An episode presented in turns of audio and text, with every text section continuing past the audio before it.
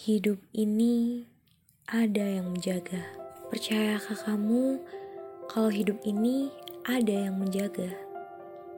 Ia sembunyi di balik awan gelap dan badai semalam dalam sujud cahaya kecil yang redup dan sayu, tapi tak pernah mati, tak pernah padam.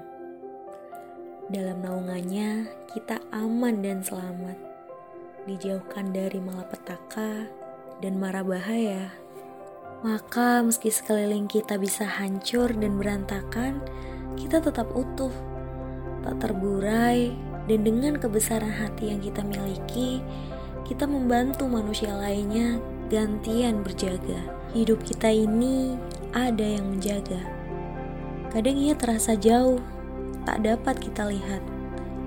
Dibiarkannya kita mengarungi samudera gelap itu sendirian melawan ketakutan, berjuang untuk selamat. Lalu saat kita berhasil melaluinya, barulah kita tahu. Kadang-kadang kita dijaga dan dipelihara oleh cobaan hidup. Berat, sudah pasti. Tapi tanpanya, dari mana kita belajar kuat? Ternyata samudera yang gelap menyimpan pesan di balik gulung ombaknya. Ia persiapkan kita sedemikian rupa, memberi rintangan tapi mengapungkan tubuh kita di permukaan. Dan ternyata begitu saja, yang berat sudah lewat. Maka percayalah kalau hidup kita ini ada yang menjaga. Ia datang di waktu-waktu terbaik seperti badut pesta meramaikan acara.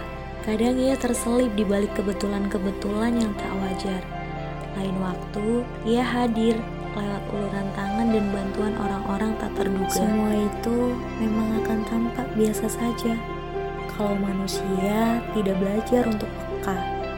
Tapi dengan kedewasaan dan kebijaksanaan, kita bisa bertanya-tanya, apa ya jadinya kalau tidak ada bantuan-bantuan itu? Jadi, kalau rintanganmu saat ini sedang terasa begitu berat, lalui saja dengan rasa takut dan gemetar, tapi jangan menyerah terjatuh dan terlambatlah, tapi jangan berhenti. Sebab di setiap putaran persimpangan lika dan liku perjalanan, hidupmu itu ada yang menjaga, ada yang membantu, ada yang memelihara.